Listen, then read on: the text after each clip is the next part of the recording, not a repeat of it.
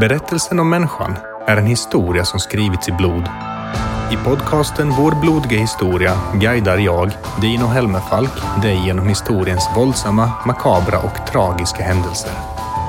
Du kommer få besöka platser och bekanta dig med personer vars berättelse chockerar, skrämmer och fascinerar. Känsliga lyssnare varnas.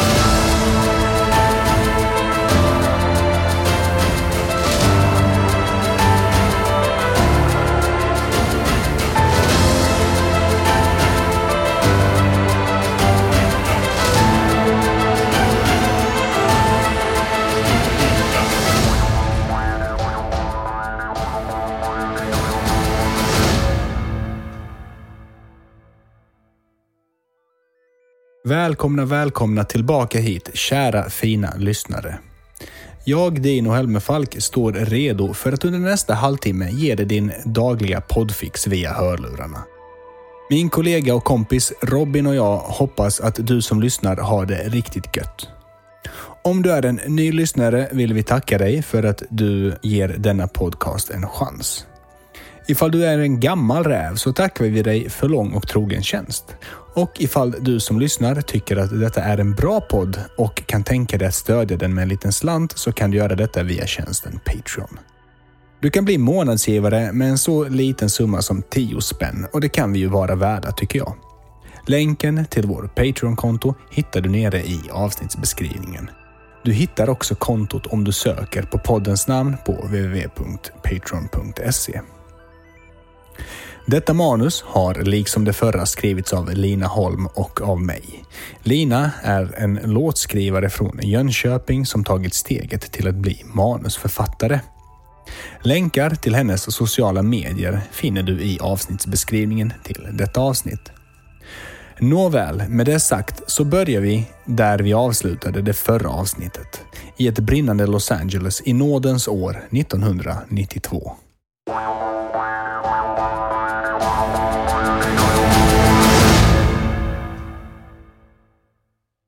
Kostnaden för de materiella skadorna som upploppen i LA orsakat har uppskattats till cirka 850 miljoner dollar. Hälften av den prislappen utgörs av skador som stadsdelen Koreatown fått utstå. Upploppen hade startat utanför stadskärnan och i de områden där majoritetsbefolkningen utgjordes av afroamerikaner, latinamerikaner och andra minoriteter. Oroligheterna sprider sig snabbt och för att skydda mer välbärgade områden såsom Beverly Hills och andra stadsdelar som råkar ha en vit majoritetsbefolkning slår myndigheterna ring om de oroliga stadsdelarna. Precis innanför denna ring hamnar stadsdelen Koreatown och är således helt utlämnat åt sitt öde. Koreatown är en central stadsdel strax väster om MacArthur Park Stadsdelen bildades efter att tusentals koreaner invandrade till USA på 60-talet där de börjat starta företag. I området bor det över 100 000 invånare. Vid tiden för upploppen är Koreatown en livlig stadsdel full av butiker, kaféer och restauranger.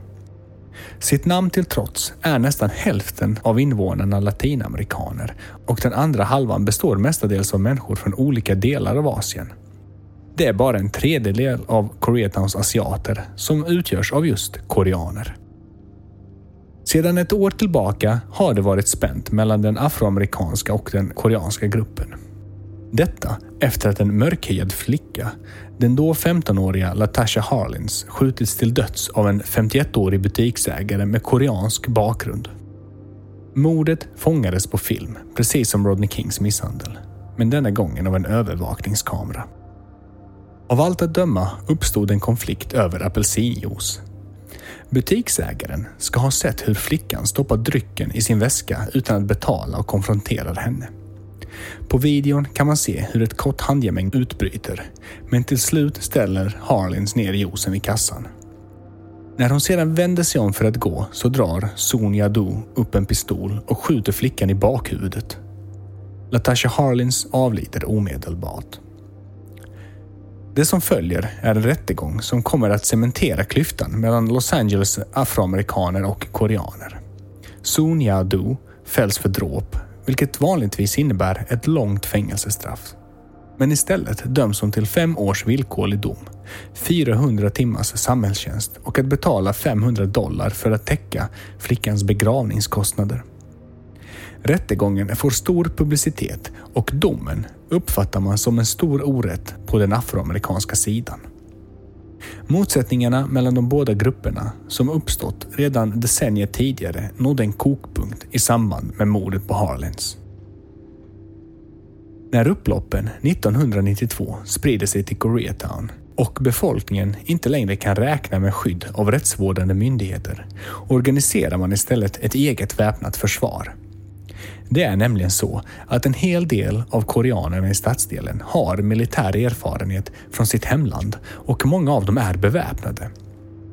De positionerar sig uppe på tak och gathörn i full stridsmundering och med automatvapen i händerna. Och på nyheterna kan amerikaner bevittna strider på gator mellan afroamerikaner och koreaner. Och på en del håll lyckas koreanerna slå tillbaka plundrare från sina affärer, men eldstriderna kräver tragiskt nog sina dödsoffer. Till en reporter förklarar en koreansk man att polisen inte hade kommit dit och att de behövde förstärkning. Han berättar även att folk åker förbi sina bilar och skjuter mot dem och nu känner de sig tvungna att göra något åt situationen på egen hand.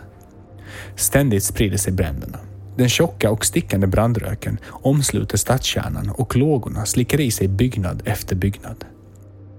En förtvivlad afroamerikansk butiksägare blir filmad av ett filmteam när han gråtande skriker sin förtvivlan inför den grupp människor som i samma stund plundrar hans butik.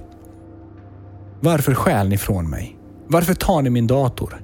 Varför rånar ni mig på allt som jag jobbat så hårt för och byggt upp för att kunna överleva och försörja min familj? Ni säger att ni ska hämnas på den vita massan, men varför förstör ni min butik för? Förstår ni inte att det här är fel? De personer som plundrar blir plötsligt tysta som om en polett trillat ner hos var och en av dem, samtidigt som skammen kommer krypande.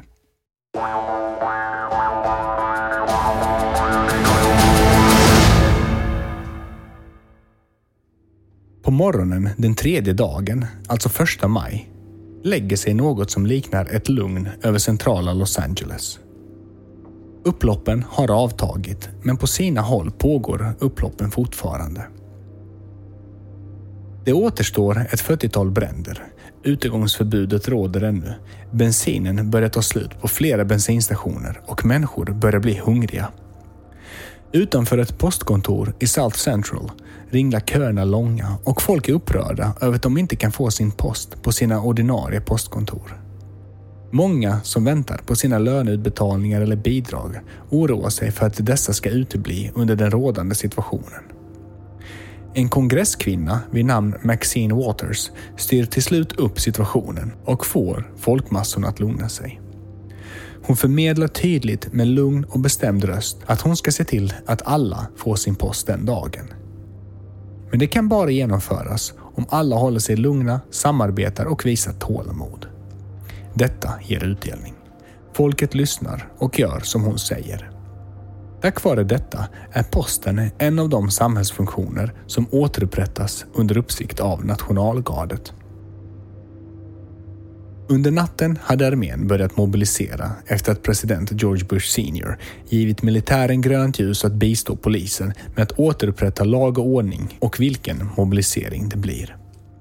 En bra bit över 10 000 soldater och poliser koncentreras för ett slutligt krafttag mot upprorsmakarna och presidenten låter det bli känt att massornas brutalitet inte kommer tolereras och att militären kommer använda så mycket våld som krävs för att återta kontrollen över situationen.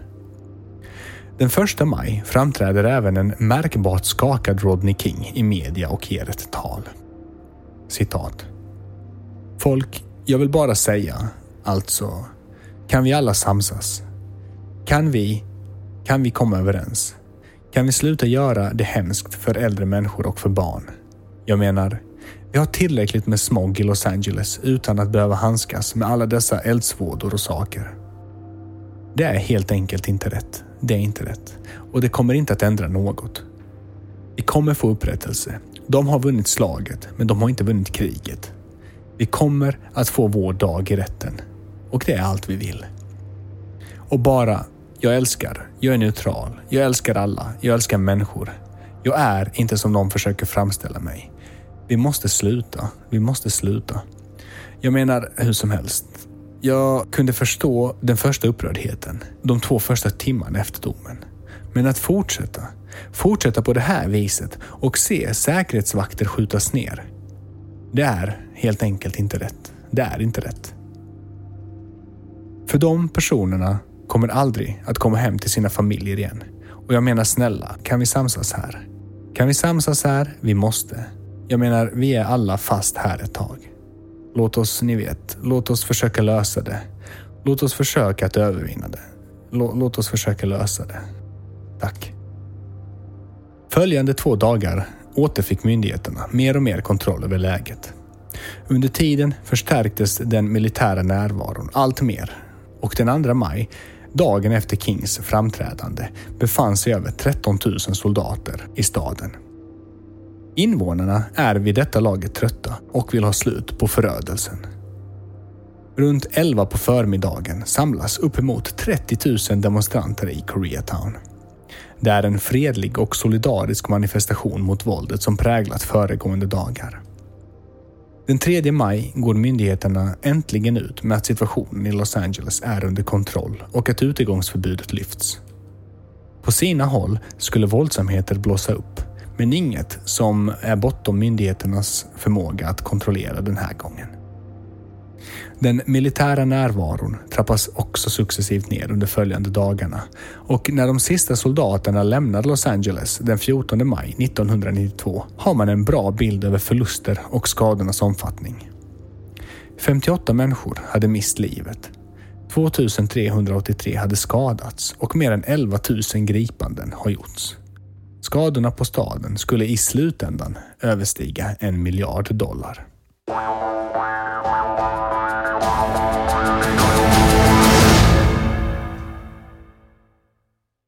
Ganska omgående efter upploppen blev åtalet mot poliserna som misshandlat Rodney King ett ärende för landets justitiedepartement som ville ta upp ärendet i en federal rättegång. Federala åklagare la fram bevis inför en federal domstol i Los Angeles som ansåg det rätt att pröva fallet i den högre instansen och den 25 februari 1993 inleddes en ny rättegång mot Kings fyra plågoandar. Ingen av de inblandade visste då att mycket återstår av processen och inte förrän 1996 skulle allt vara över. Domaren John G. Davis går hårt fram mot King och menar att poliserna överlag agerat inom de polisiära befogenheterna som de hade. Han menar att King gjort våldsamt motstånd och provocerat ordningsmakten. Enligt honom är det bara de sex sista batongslagen som Powell delar ut obefogade. Allt annat är grönt. Därför fälls enbart Powell och befälet Stacey Coon som alltså misslyckats med att förhindra de sex sista slagen som dennes underordnade felaktigt delat ut. De två andra poliserna frias. Alla fyra skulle dock mista sina jobb inom polisen för incidenten. När det är dags att fastställa påföljden för Kuhn och Powell kommer nästa chock för King och alla andra som följer rättegången. Domaren anser att poliserna redan lidit mycket på grund av ärendets enorma publicitet. Därutöver har de förlorat sina möjligheter att arbeta vidare inom polisen. De har samtliga dragit på sig höga rättegångskostnader och är särskilt utsatta i fängelset just på grund av sin polisiära bakgrund. Straffen, som i normala fall bör ge i runda slängar 10 års fängelse, stannar efter rabatter vid 30 månader. Detta överklagas av åklagarsidan till den federala appellationsdomstolen, landets näst högsta rättsliga instans. Man menar att straffen är för milda och överinstansen köper det och förlänger straffen för de båda dömda poliserna. Försvaret överklagar i sin tur detta och ärendet tas slutligen upp i den högsta rättsliga instansen i USA, the Supreme Court, eller Högsta domstolen på ren svenska. Vid detta laget hade polisen avtjänat sina utdömda straff och släppts tidigare på grund av gott uppförande. Den 14 juni 1996 avkunnade så äntligen Högsta domstolen sin dom. Man gör återigen en 180 graders sväng och återställer påföljderna som den federala domstolen under Davis presidium utdömde 1993, alltså de mildare straffen. Rodney King erbjuds cirka 200 000 dollar samt en högskoleutbildning. Allt på Los Angeles bekostnad. Han tackar nej och stämmer istället staden tillsammans med Bryant Allen och dödsboet efter Freddie Helms, alltså vännerna som åkt med honom den där ödesdigra natten då allt startade. Freddie Helms hade dock omkommit i en trafikolycka sommaren 1991. Männen vinner så småningom målen och King får 3,8 miljoner dollar i skadestånd. Allen får 35 000 dollar och dödsboet 20 000.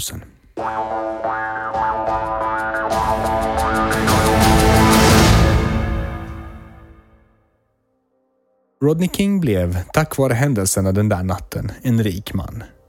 Men frågan är, blev han en lycklig man?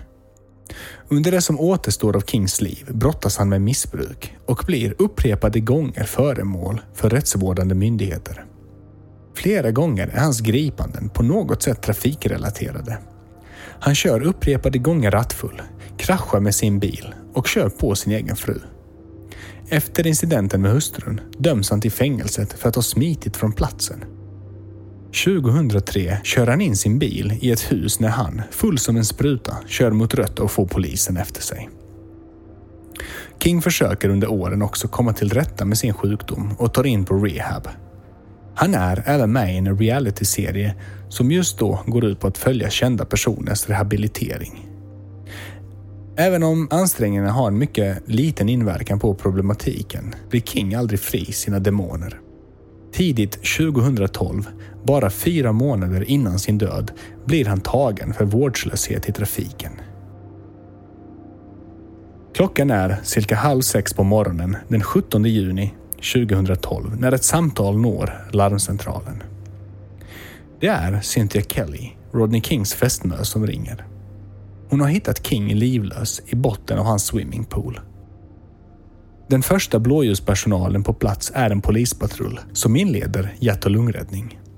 När ambulansen anländer försöker sjukvårdare återuppliva King, som samtidigt körs i ilfart till sjukhuset Arrowhead Regional Medical Center. Men redan vid ankomsten, strax efter klockan passerat sex, förklaras han död av läkarna. Märkligt nog avled King på samma dag som hans far gjort 28 år tidigare. Fadern hade hittats i sitt badkar 1984. Efterföljande obduktion skulle visa att King vid sin död hade det narkotikaklassade preparatet fencyklidin, kokain och alkohol i blodet. Utöver detta hade han sedan tidigare hjärtbesvär, vilket i sammanhanget sannolikt också bidragit till att han drunknat. Rodney King har för många blivit en symbol för kampen mot rasism och mot polisvåld i synnerhet.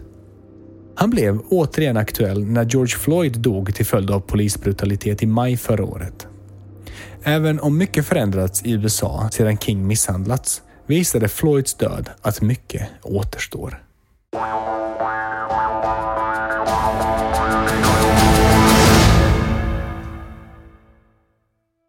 Med de orden, kära fina lyssnare, lämnar vi berättelsen om kravallerna i LA. Vi hoppas att du uppskattat dessa avsnitt. Glöm inte att trycka på följ eller prenumerera-knappen i appen som du lyssnar poddar i, så missar du ingenting från oss. Du kan också stödja oss med en symbolisk summa, men som gör mycket. Via Patreon gör du detta och länken dit finns nere i avsnittets beskrivning. Ljudet har rattats av Robin Freid och jag som gör research och manus och pratar heter Dino Helmenfalk. Vi tackar för dig som lyssnat och vi hoppas att du hittar hit igen om två veckor. Tills dess, ta hand om dig och hej då.